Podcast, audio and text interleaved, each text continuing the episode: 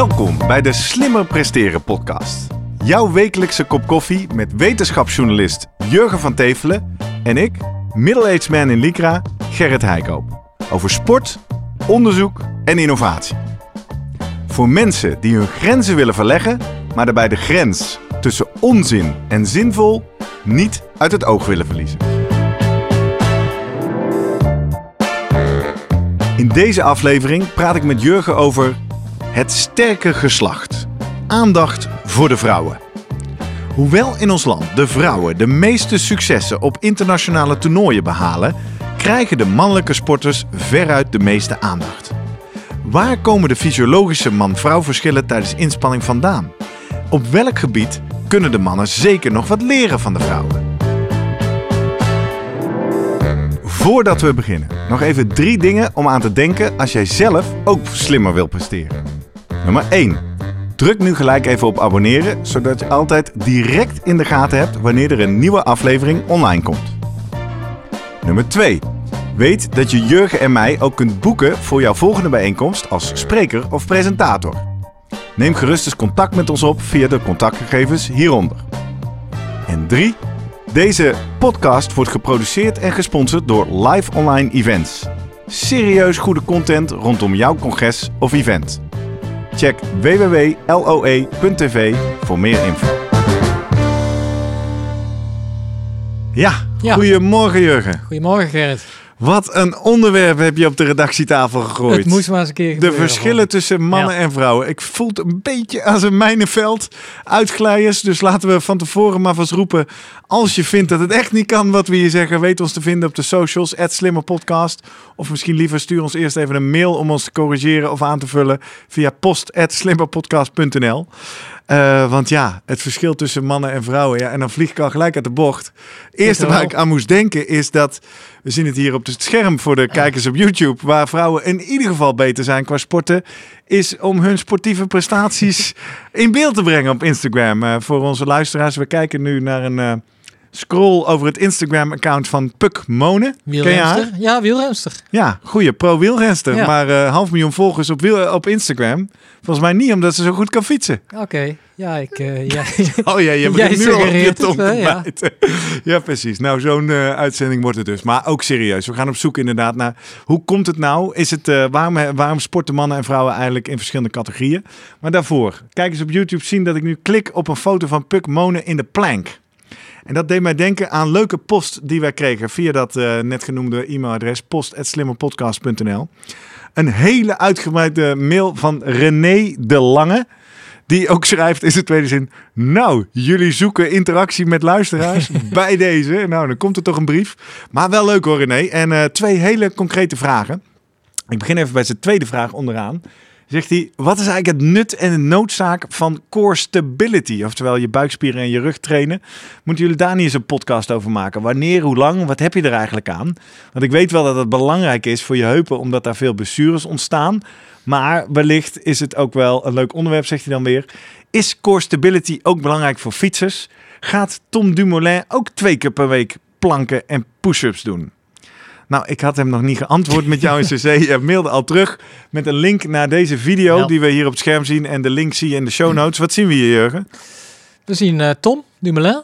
Onze eigen Tom. In Die aan, Jumbo eh, outfit. eh, aan, aan- aan het planken is. Ja, is, nee, dus ik, ik wist dit dat... eh, volgens mij eh, Kruiswijk had het... eh, bij Kruiswijk zei het al helemaal niet verwachten. Nee, dunne Want je- plank. iedereen Nou ja. herinnert zich natuurlijk Joop Zoetemelk vroeger... dat hij aan Superstars meedeed. Dus misschien voor jouw tijd nog. Ja, ken ik niet. Superstars was echt een geweldig programma. Dat deden verschillende sporters van verschillende eh, disciplines. Hockeyers en, en eh, nou ja, voetballers. Die hadden een soort circuitje wat ze moesten afleggen. En eh, eentje daarvan was volgens mij optrekken aan, aan de stang.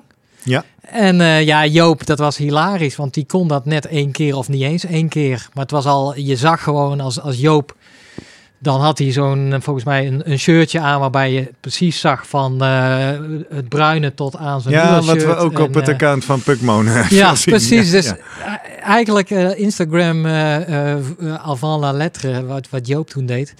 Maar nee, hij kon heel weinig met, had we heel weinig Je wil maar zeggen, hij had alleen hele sterke benen en verder helemaal niks. Omdat wielrenners volgens mij alleen maar op de fiets zaten. Ja. En hier zien we dus Tom Dumoulin met allerlei oefeningen. Hij springt de trap op en neer. Hij doet een waarbij de bidon van links naar rechts zit. Nou, leuke video. check hem in de show notes, dan komen we ook terug. En dan toch nog even terug naar die lange, lange brief van René de Lange. Want zijn eerste vraag, ik ga hem niet helemaal voorlezen, maar dat is die hele dikke paragraaf daarboven. Maar daar stelt hij op zich wel een interessante vraag. Namelijk mhm. over de timing van loopscholing. Nou, loopscholing was tot drie jaar geleden iets waar ik nog nooit van gehoord had. Maar dat is eigenlijk wat atletiek mensen oefeningen noemen. Hè? Loopscholing. Uh, oefeningen doen om te zorgen dat je looptechniek verbetert.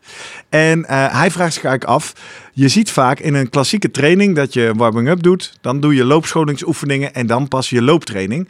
Zou het niet slimmer zijn om die loopscholing ook verder in je training te doen. Zodat je ook leert om die goed uit te voeren als je vermoeid bent. Want ja, daar draait het om. Dus ik heb even die vraag doorgepaast naar onze UATT ah. looptrainer, die mij uh, in aanraking bracht met het fenomeen loopscholing.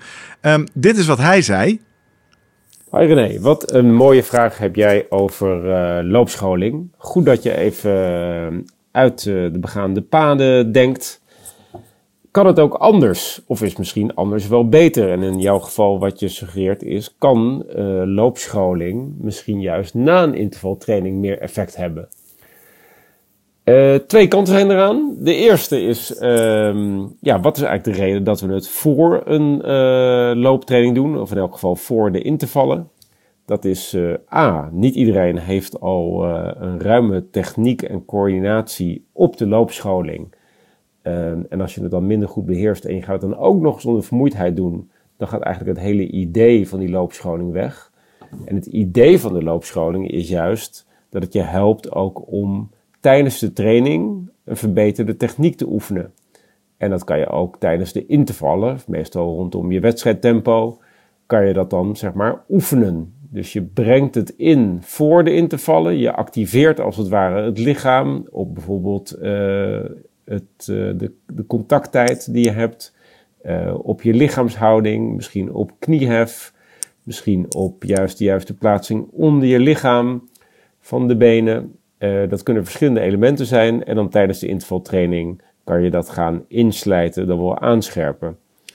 Um, het kan ook zijn dat je het allemaal al ontzettend goed kan. En het is zeker altijd een wijs idee om als je iets helemaal goed beheerst, om nieuwe complexiteit in te voeren. Want van nieuwe complexiteit ga je het hardste leren in de sport.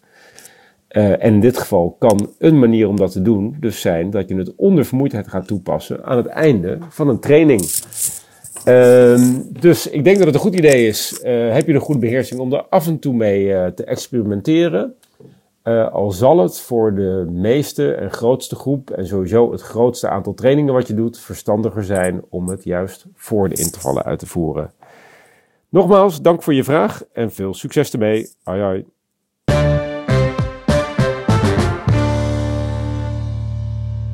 Leuk. Kijkers en luisteraars vragen. Nou, heb jij er een paar, uh, stuur ze in. Maar uh, we gaan gauw door naar ons hoofdonderwerp. En dat is vandaag de verschillen tussen mannen en vrouwen. En dan begin ik natuurlijk met mijn uh, openingsvraag aan jou, Jurgen.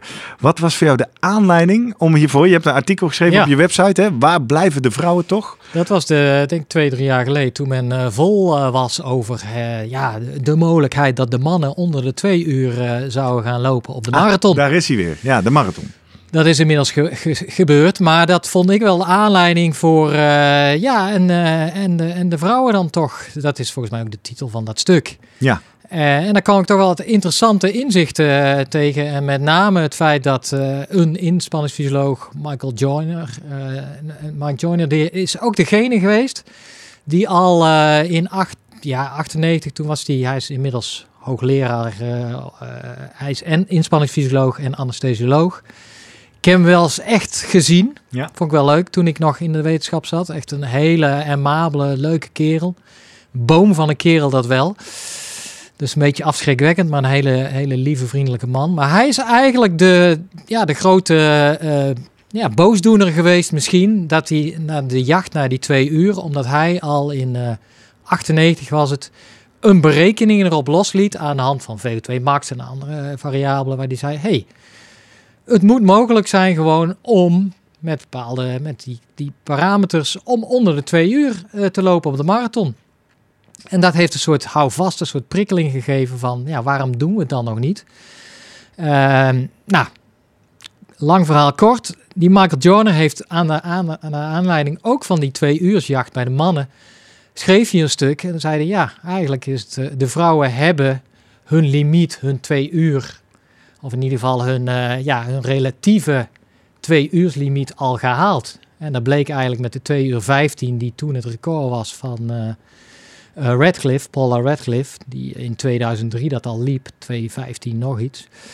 Inmiddels vorig jaar is dat verbeterd door Keniaanse Bridget Kosgei. Maar hij zei, nou, met alles wat we weten van de fysiologie van de vrouwen, ja, dan kunnen we eigenlijk stellen dat de vrouwen eigenlijk al hun twee uur grens bereikt hebben en het, dus de man een beetje achterlopen. Ah. En dat is. Uh... Nou, laten we zoals altijd dan maar eens beginnen bij de basis en Ja. onder die motorkap duiken. Hoe komt het dat vrouwen blijkbaar op z'n snelst een kwartier langer over die 42 Ja, kilometer nou doen? ja, maar, en in zijn algemeen, waar, waar, wat, wat verklaart die verschillen? Ja, dat is toch. eh, nou ja, de- ze zijn sowieso. Ze hebben minder spieren. Ja, testosteron, komen nog wel op terug. Op terug. Dat is toch een belangrijk hormoon daarin. Minder eh, spiermassa, iets meer eh, eh, vetmassa. En daarbij sowieso kleinere longen. Dus zet jij vrouwen en mannen van dezelfde lengte naast elkaar, maar meet jij hun, hun longvolumes, dan hebben Mhm. vrouwen toch van nature minder longvolume. Kleiner hart eh, en daarbij ook eh, lager eh, hemoglobine, hematocriet. Dus dat is belangrijk voor het vervoeren van ja, rode bloedcellen vervoeren de zuurstof. Ja. En hemoglobine is het eiwit wat dat eigenlijk wat het ei, of het, de zuurstof bindt. Zij hebben van nature minder, dus kunnen ook minder zuurstof transporteren. En het is denk ik goed om te begrijpen, dit is relatief. Want als ik mezelf naast eh Daphne Schippers zet, Ja. Die heeft volgens mij meer spieren, een groter Ja. hart, grotere longen en misschien ook wel meer hematocriet dan ik. Maar Dus dan gaan we voor de toppers kijken. Dus Exact. die toppers die onder die twee uur... topman. Ja, dan, eh, dan loop je daar tegenaan. En als je dat dan meeneemt in je berekening ook van wat Michael Joyner al deed. Ja, dan heb je een bepaalde VO2 max nodig en een bepaalde anaerobe drempel.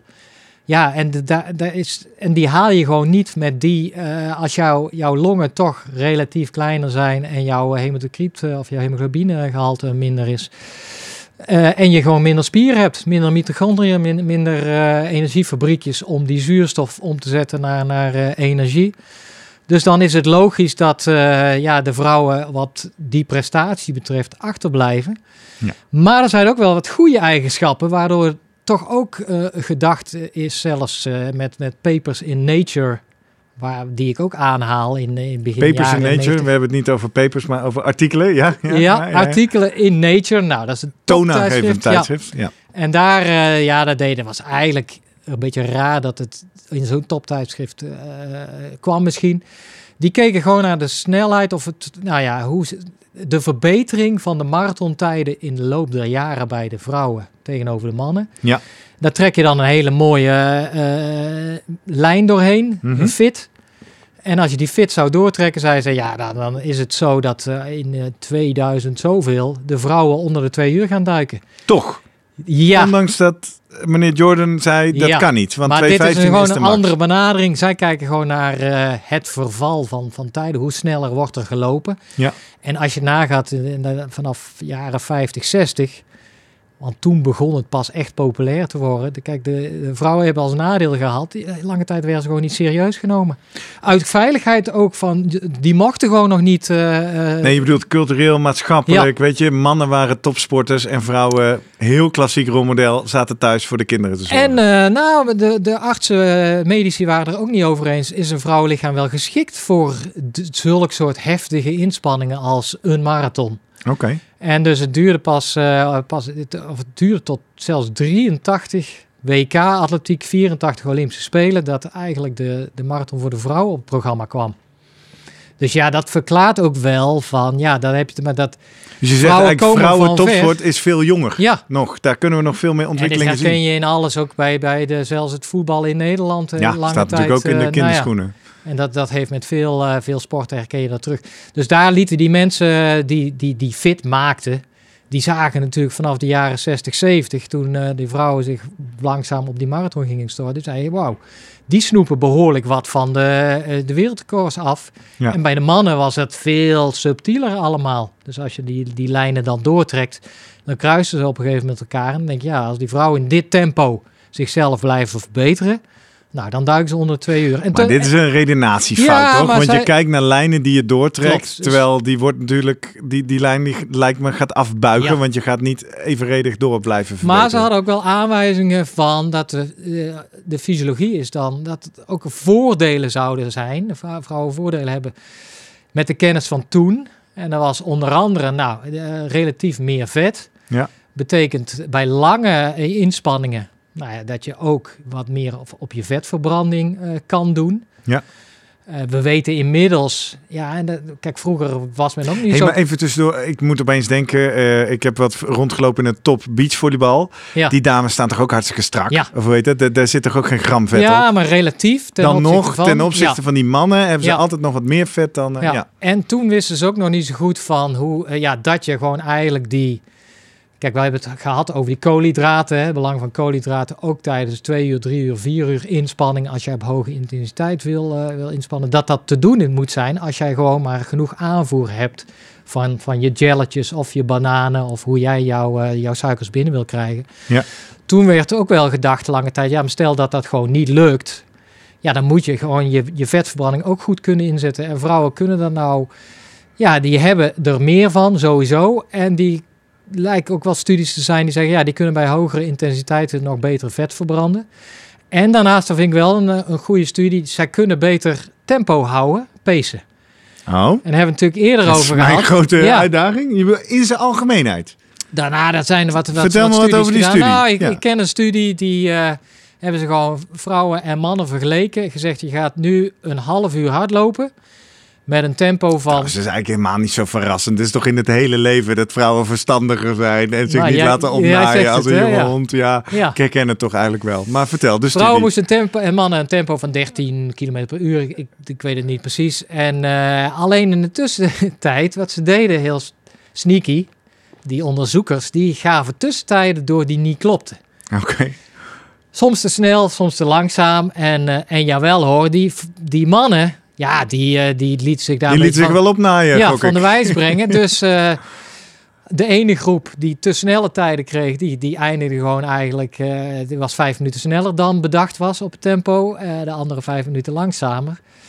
Hadden zich laten foppen. Alleen die, die dames deden dat veel minder. Die, deden- die hielden zich gewoon aan de afspraak. Dit hebben we afgesproken, dit tempo gaan we lopen.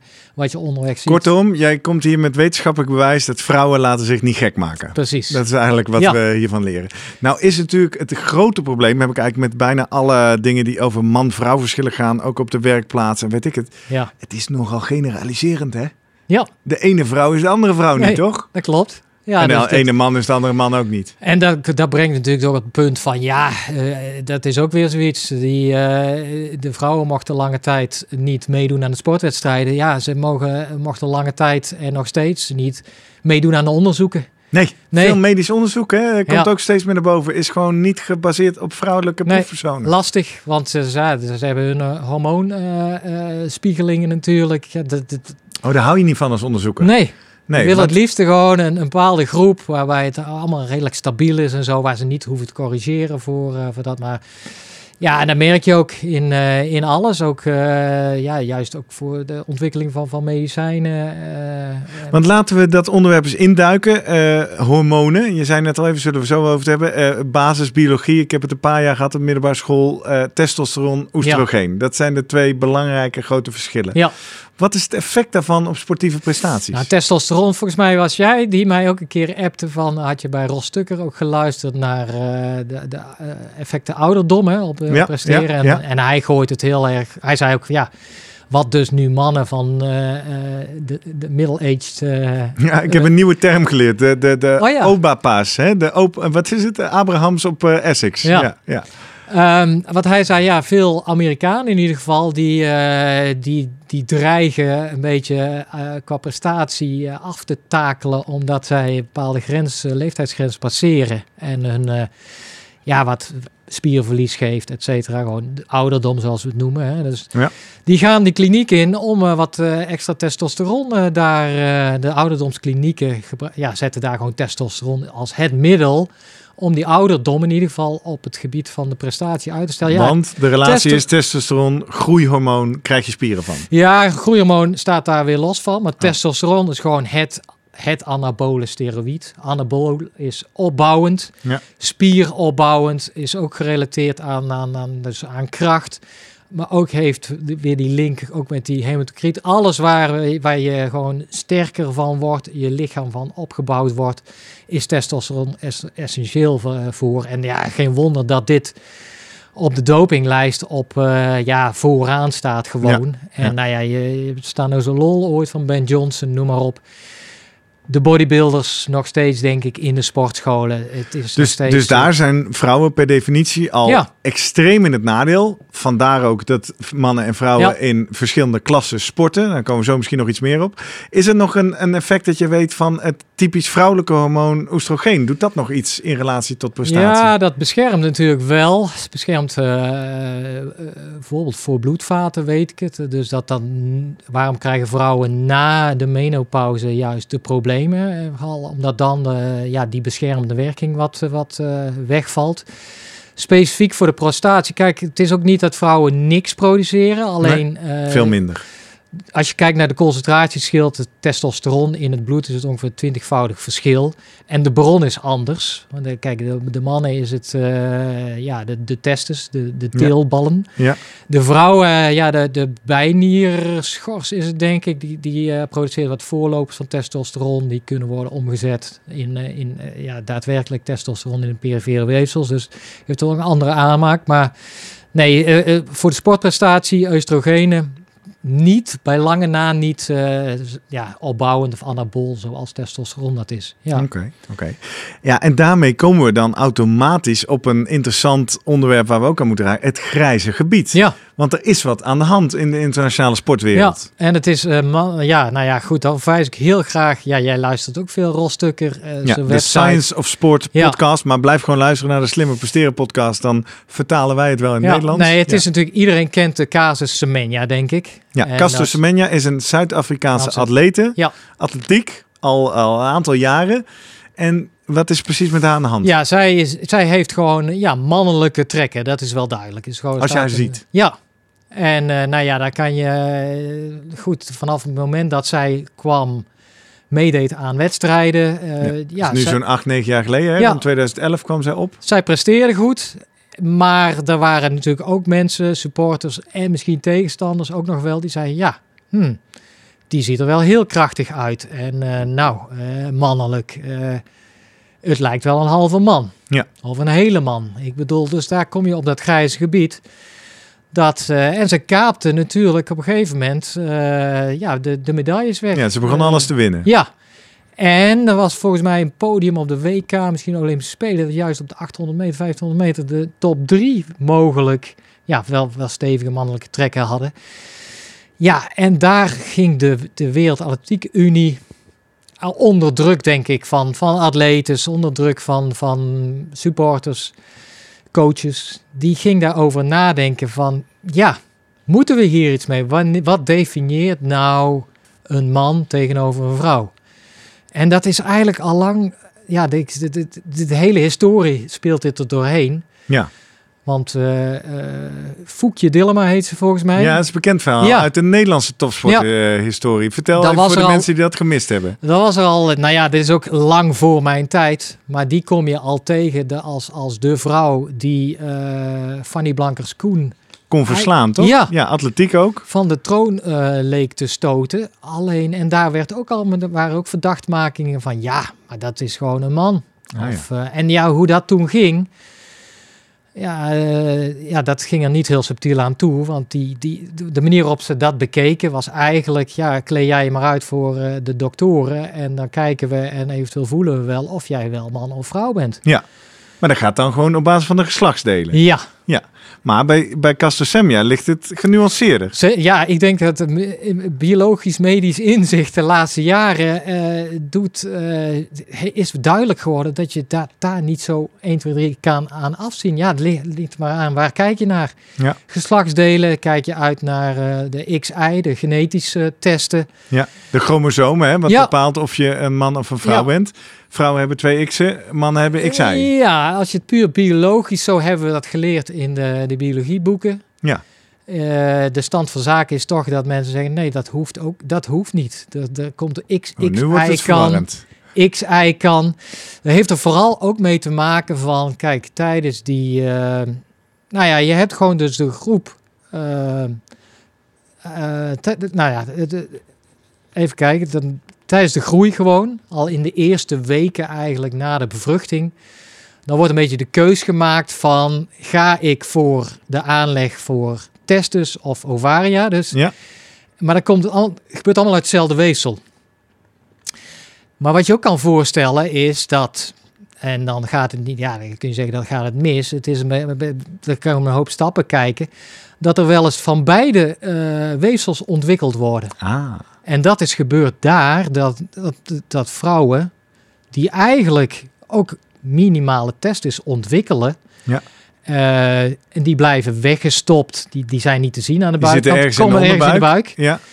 Eh, en die, die, die voelen zich gewoon tot puberteit gewoon prima vrouw. Ja. En zo, Hebben zo- vrouwelijke geslachtsdelen, hebben alles wat een vrouw ook heeft. Wat Maar er dan, dan gebeurt ineens in de puberteit, ja, dan worden toch die, die, die, die, die, die testes die zijn weggestopt, die gaan toch wat extra testosteron produceren en in meer of mindere hoeveelheden. Eh, dat hoeft op zich nog niet eens een probleem te zijn, want dan moet de testosteron ook hun wer- eh, zijn werking kunnen doen. Ja. Dus dat betekent dat de spieren bijvoorbeeld, andere weefsels, eh androgeen gevoelig. Androgeen, dat zijn eigenlijk de, de anabole opbouwende hormonen. Ja. die moeten daarop hormonen. reageren. Ja. En dan blijkt gewoon, ja, je, de- er zijn ook gewoon vrouwen dus met die testosteron eh, produceren. Hyperandrogenisme eh, noemen ze dat. Maar die kunnen gewoon eh, androgeen ongevoelig zijn. Oké. Merken daar niks van. Dus die hebben wel verhoogde testosteron. Ja. Maar het, de testosteron kan geen effect hebben op meer spiergroei of groter worden of sterker worden. Bij Semenya is dat dan anders. Die is wel androgeen gevoelig. Dus heeft en een hoge productie en, eh, van testosteron. En ja, haar weefsels reageren erop. En dan kom je pas achter. Ja, en na, in die puberteit of daarachter. Maar ja, je bent gewoon, je, Je, voelt bent je een meisje. vrouw. Je ja. ja, ja, ja. Dus wat is er nou in, die, in, die, eh, in dat geval van Semenya aan de hand? De Wereldatletiekbond heeft op een gegeven moment gezegd, naar aanleiding Ja. van onder andere wat jij uitlegt, weet je wat? Hormoonspiegel. Precies. Testosteron, testosteron is de bepalende factor Ja. of jij bij de mannen of de vrouwen mee mag doen. Nee, of jij niet bij de vrouwen mee mag doen. Klopt, dat is eigenlijk dat het is eigenlijk- schijnende. Ja. Dus die hadden zoiets. En ik bedoel, daar moet je ook rolstukken, maar eh, ook goed voor, voor kijken, luisteren, voor, echt voor die diepe achtergronden. Kijk, iedereen is het er wel over eens. Testosteron is gewoon ja, een, Een hele goede, voordeel. een, heel, ja, een hele goede marker, moet dat Ja. wel zijn. Alleen je hebt altijd wat nou ja, overlap, grijs gebied. Maar wat de Atletieke Unie toen eerst deed in 2011, redelijk plomp verloren. Die zei gewoon, nou, stel de grens op 10 nanomol per liter. Los of je eh, androgeen gevoelig of Ja, niet bent. wie jij ook bent, als je meer dan zoveel testosteron alle, in je bloed alle hebt. categorieën op de Eruit. WK, atletiek of atletiek, internationale toernooien. Nou, als je erboven zit, dan moet je met de mannen meedoen. Ja, dachten eh, de mensen ook van, hallo, waar, waar kun je dat nou op baseren? En kun je dat wel hard maken? En is er wel bewijs voor? Dus die, eh, je hebt die Indiaanse sprinter, Duty Chant. Mhm. Die was, was, was helemaal geen eh, topsprinter, helemaal niet. Maar die had zoiets van, hallo, eh, ja, ik laat me dit niet voorschrijven. Ik wil wel eens gewoon zien, waar, waar baseren jullie het op? Dus die is eigenlijk, heeft die zaak aangekaart. Ja, die lokt dat- een proces uit. Ja. ja. En, en aan de hand daarvan heeft dat CAS, dat eh, internationaal eh, gerechtshof voor de, voor de sport, sporttribunaal, heeft toen gezegd, ja, Wereldatletiek Unie, eh, kom maar eens even met goed bewijs. Laat maar zien, waar is jullie bewijs dat testosteron inderdaad een onmiskenbaar verschil of voordeel geeft. En, eh, en ja, en daar gaat het eigenlijk, eh, nou ja, daar, daar, nou, wat toen eigenlijk gebeurd is, een hele interessante casus om te volgen.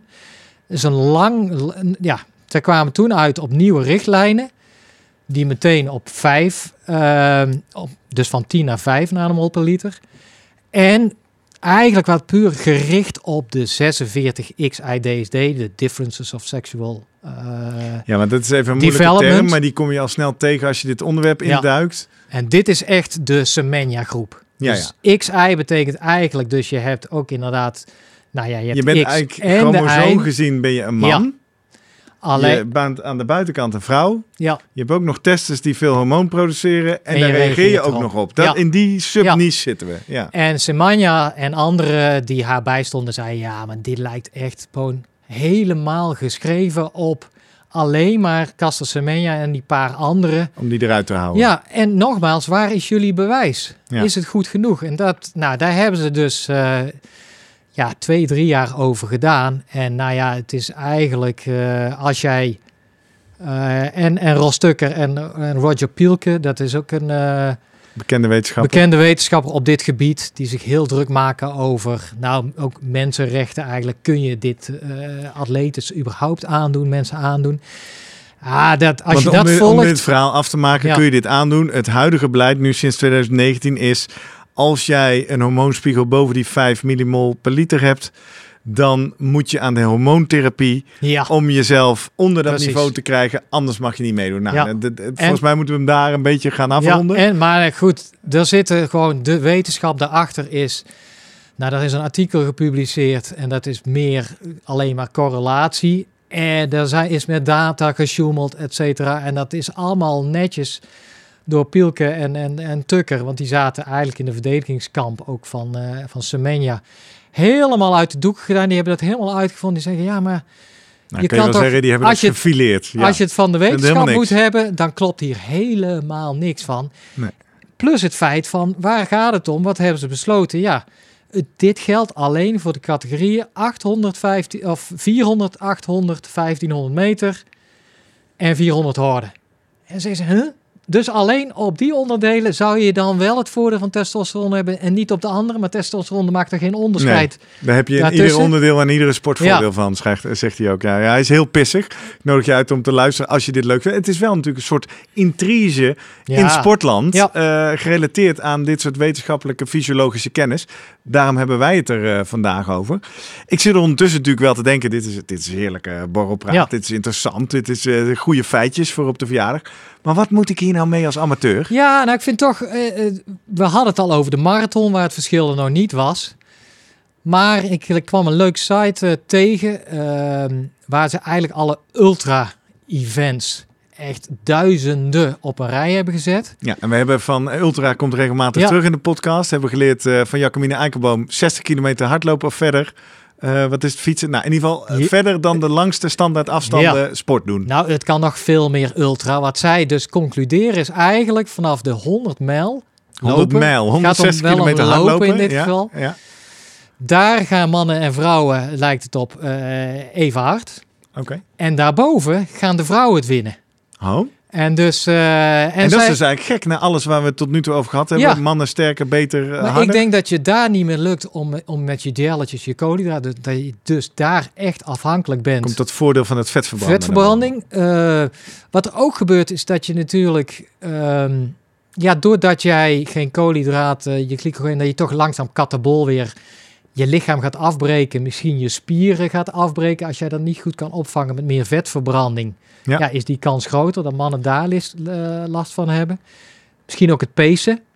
Maar er komt er nog altijd weer zo'n ja, eh, so, so, socio-maatschappelijk cultureel ding bij. Denk ik nog steeds, meer mannen doen mee aan die eh, events. Ja. Dus daar heb je ook wat meer mannen die sneller zeggen, ook al zijn ze niet zo goed getraind. Ah, Ik, hmm. Dit staat bij mij nog op de bucketlist. Dit ga ik doen. Terwijl ik denk toch dat vrouwen iets voorzichtiger zullen zijn. Voordat voordat ze hier aan zich- beginnen. Ja. ja. Maar ik kwam van, eh, hele mooie verhalen tegen van eh, een Jasmine Paris, een Engelse, die in 2019 de Spine Race won. Nou, dat, dat wordt gezien als Wat is de spine race? nou, de ultieme ultraloop ergens in eh, Engeland over, over al de Peak District en eh, eh, in Yorkshire en omgeving. 286 mijl.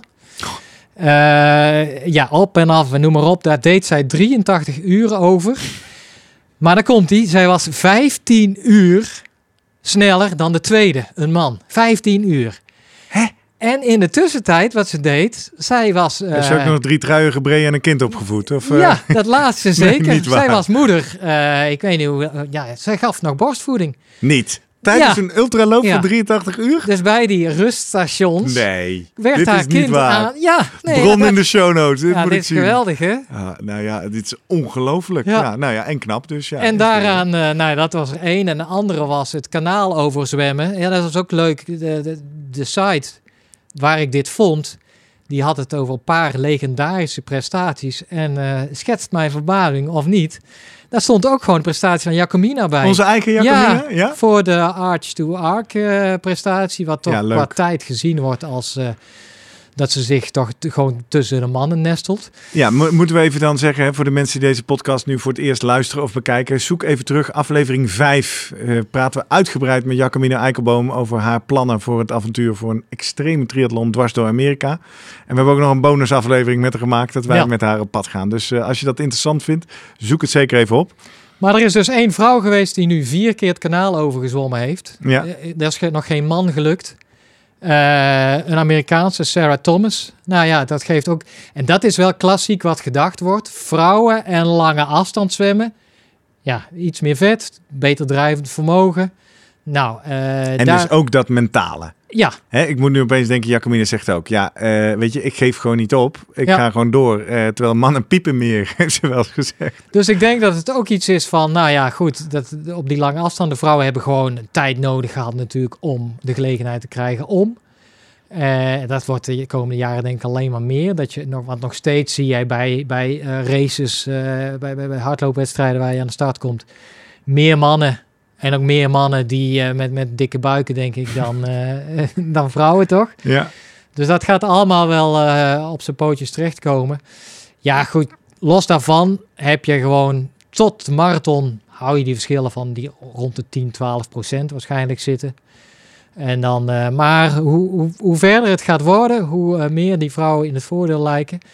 En wat, er zit ook wel intrinsieke verschillen, wat ook wel in- toch goed te benoemen is dat die vrouwen, zijn studies gedaan ook met mountainbikers, eh, na afloop van de tocht hebben ze de spieren gestimuleerd. En vanuit daaruit kun je echt zien van, nou, je weet, vermoeidheid is deels centraal. Hè? Dus ja, in je brein. je brein zegt, ik ga niet meer spieren aanspannen of, of, of eh, activeren, want we moeten de schade vermijden. Of het zit eh perifeer, lokaal, dat spieren gewoon nou, Op beschadiging- De energie is op, De ja. energie is op. Dus dat kan je testen door die zenuwen naartoe eh, te stimuleren. En dan zien ze eigenlijk dat die vrouwen de, de vermoeidheid echt van de spieren zelf een stuk minder is. Dus die De vrouwen... vermoeidheid van de spieren zelf is minder. Ja. Kortom, hun centrale regula eh, is sterker. Die sterker. En dat heeft waarschijnlijk weer te maken omdat zij, doordat zij lagere hemoglobine hebben, minder zuurstofaanbod, dat dat voor hun juist de trigger is van om in te houden of rustig aan te doen, maar dat minder het probleem bij, bij hun spieren ligt. Eh, maar betekent dat dan eigenlijk dat veel vrouwen eigenlijk dieper en verder en harder zouden kunnen ja, dan als ze zij gaan? in staat zijn of eh, om ja, die signalen vanuit dat zuurstofaanbod, dus misschien met Weg te duwen. weg te duwen. Aan de andere kant, eh, ja, de, de, de meest voor de hand liggende verklaring is dat vrouwen over het algemeen toch iets meer van die rode spiervezels hebben. En we weten uit aflevering. Ja, dat moet ik even zoeken uit mijn hoofd. Ja. Maar over de verschillende spiertypes. Ja, dus dat eh, juist explosiviteit versus duurvermogen, dat, dat dat voordeel dan heeft van die rode spiervezels, de, de langzame spiervezels die het gewoon langer volhouden Ja. en minder vermoeid raken. Dus Ja, dat lijkt een beetje mooi. de. Ja. Nou hebben wij in deze podcast regelmatig contact met een sportarts en toptrainer die veel eh, topatleten traint. Onder andere een top mountainbikester en ook Ja. een aantal heren. Zullen we eens even met hem gaan zoomen om te vragen of hij nog specifieke verschillen aanbrengt Klopt. in het trainen van mannen en Ja. vrouwen? ben heel benieuwd. We gaan zoomen met Vroemen. Zoom, zoom, zoom. Vroom, vroom. Guido, goedemorgen. Hey, goedemorgen. Goedemorgen. Hey, goed dat je weer eh, bij ons aangeschoven bent. Ehm, wij hebben net uitgebreid gesproken over de verschillen tussen mannen en vrouwen. En wij zijn heel benieuwd. Laten we bij het begin beginnen. Heb jij onder de atleten die je traint ook zowel mannen als vrouwen? Ja. Gelukkig. Nee, ja. ik heb Hoe is, de, hoe is de verhouding een beetje, Guido?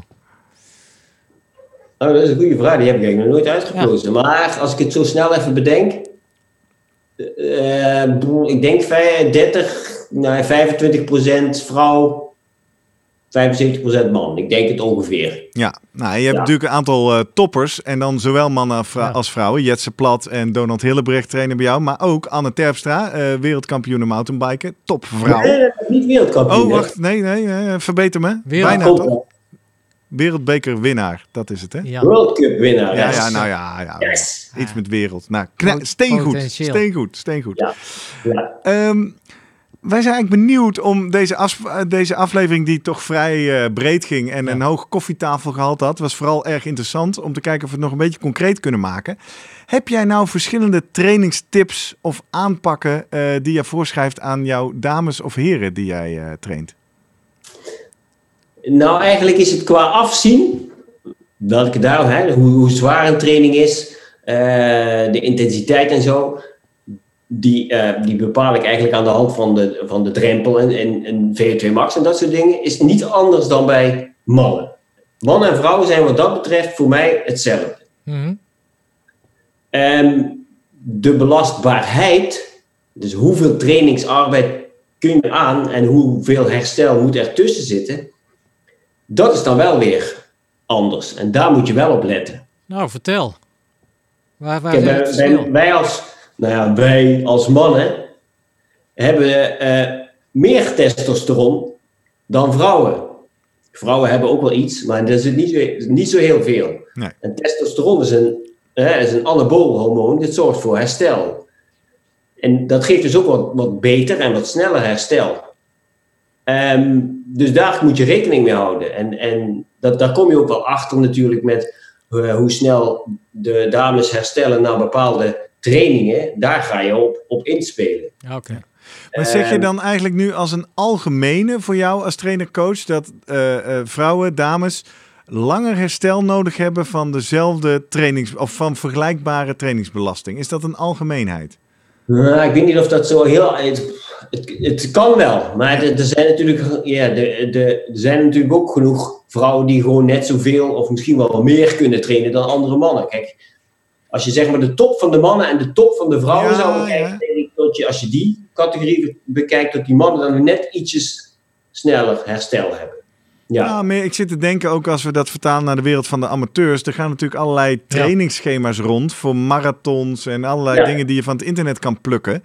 Maar het lijkt dan me dan, als je dit nu zo zegt, dat het wel uitmaakt of jij dat als vrouw of als man volgt. Of zijn die verschillen niet zo scherp?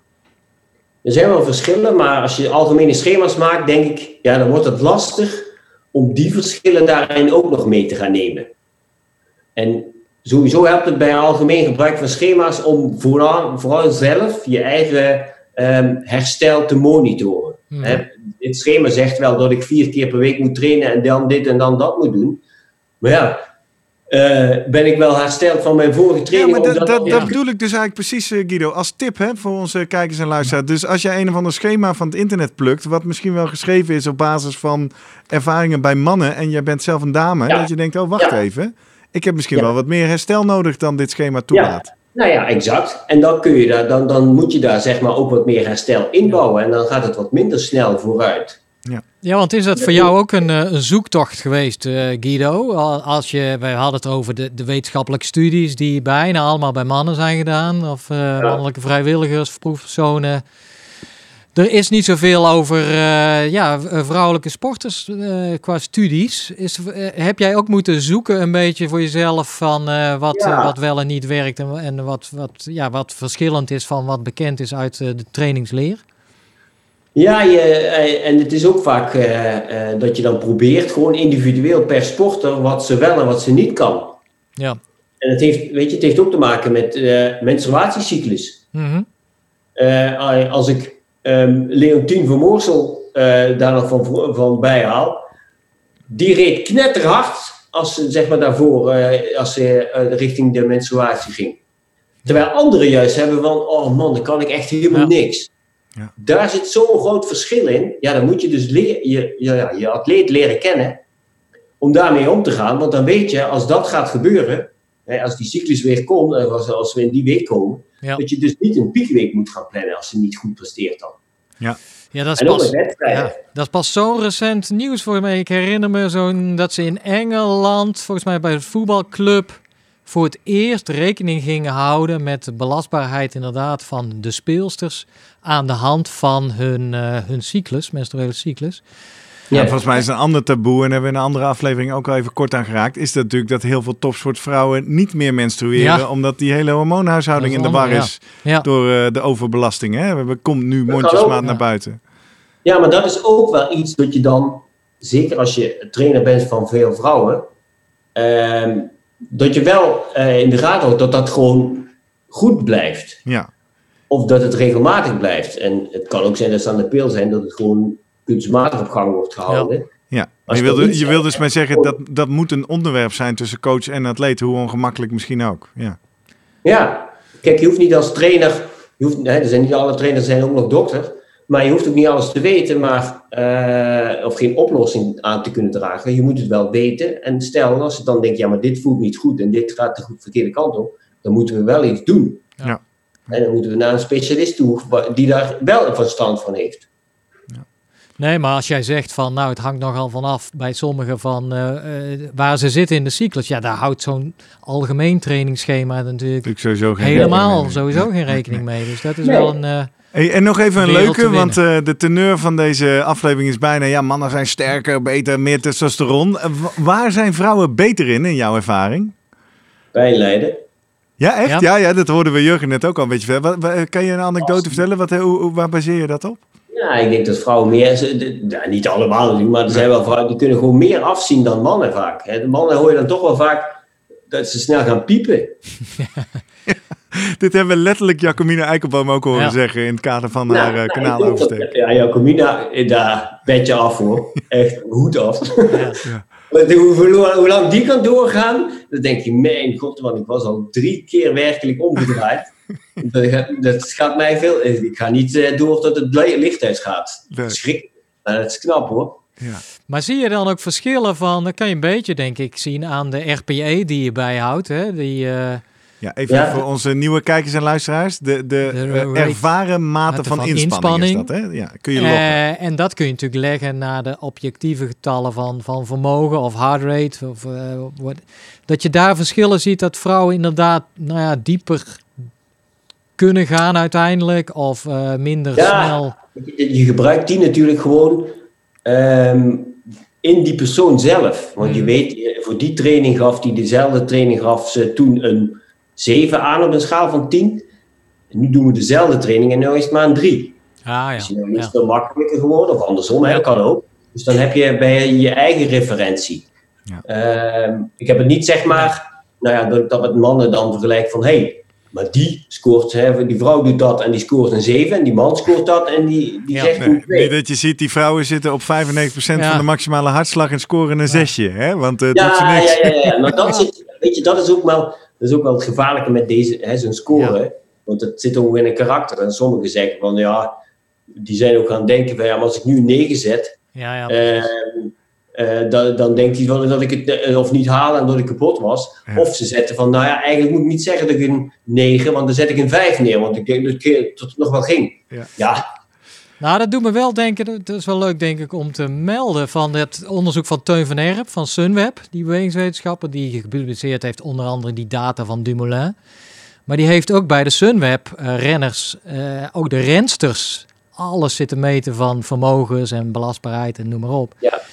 En hij constateerde gewoon eigenlijk dat die vrouwen eh, races, de wedstrijden en trainingen zo niet te vergelijken zijn met de mannen omdat die mannen, ja, die, de, de, de wielerwedstrijden zijn veel langer sowieso. Maar wat er dan gebeurt, is dat die veel meer in de lagere zones zitten qua hartslag en qua vermogen. Wie de man of de vrouwen? De, de mannen. Ah, ja. En de vrouwen eh, zitten juist veel meer in, als je schaal van, van 1 tot 5 zit, in die, eh die 4, 5. Dus die omdat de koers korter is. ja, Het is die gewoon compenseren meteen een hard. beetje die korte. Dus ik heb daar eens een, een artikel ook over geschreven. Een beetje grappend voor de WK toe. Want er waren, daar zijn de verschillen bijna. Dat de mannen dubbele rijden. Dat ik zei, ja, die mannen die, die gaan voor een hele lange, rustige wandeling. En dan een flinke eindsprint op het eind. En die vrouwen, die gaan gewoon echt voor een, een race vanaf, eh, vanaf Ja. het begin al.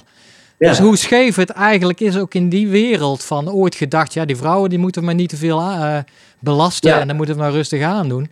Ja, daar kom je dan Nee. achter dat het gewoon... eh, Wat dat betreft, hè, dan hoor je vaak de vrouwen, dat zegt Annemiek bijvoorbeeld, Annemiek van Vleuten, mhm. dat, hè, die heeft daar helemaal gelijk in dat ze zeg maar hetzelfde wil doen als die mannen. Waarom doen we dat niet? Ik zou het juist andersom zeggen. Ik zeg, ja weet je, maak die mannenkoers gewoon korter. Want waarom gaan we nou 300 kilometer rijden, waar toch de eerste 200 geen kloot Ja. gebeurt? Ja. Nou, om iedereen lekker moe te we maken maar- natuurlijk. Hè? ja, Moet even die aerobe tank een beetje leeg voordat de strijd losbarst.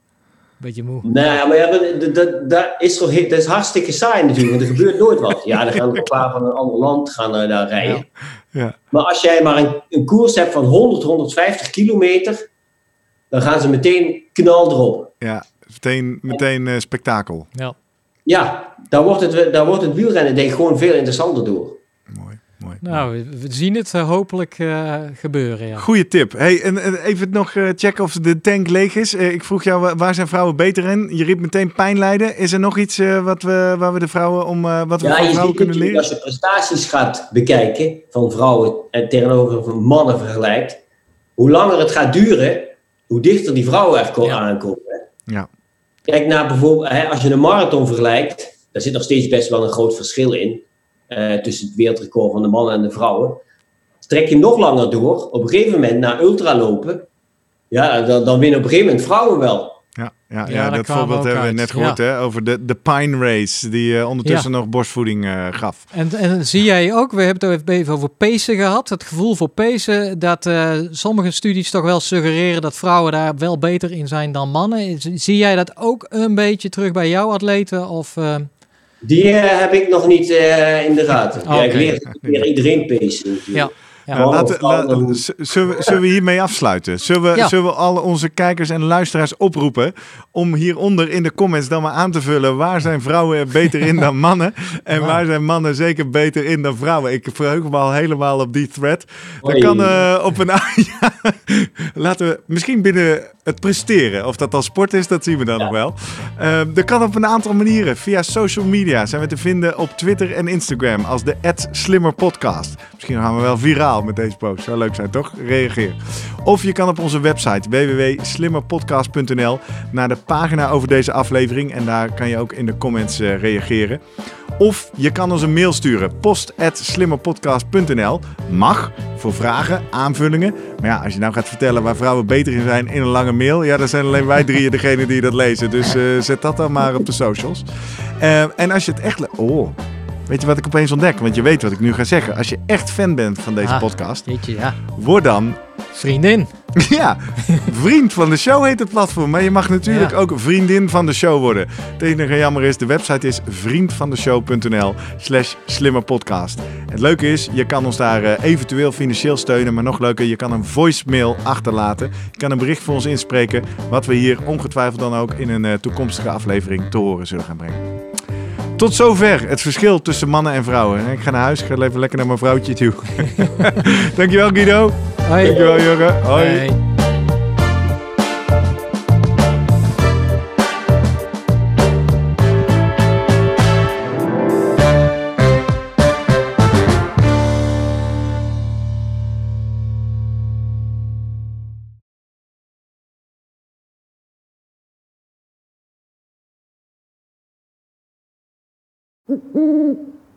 Hey, pst. Voordat je weggaat, denk er nog even aan. uilentorenloop.nl. Dan zien we je de eerste zaterdag van juni. Tot dan!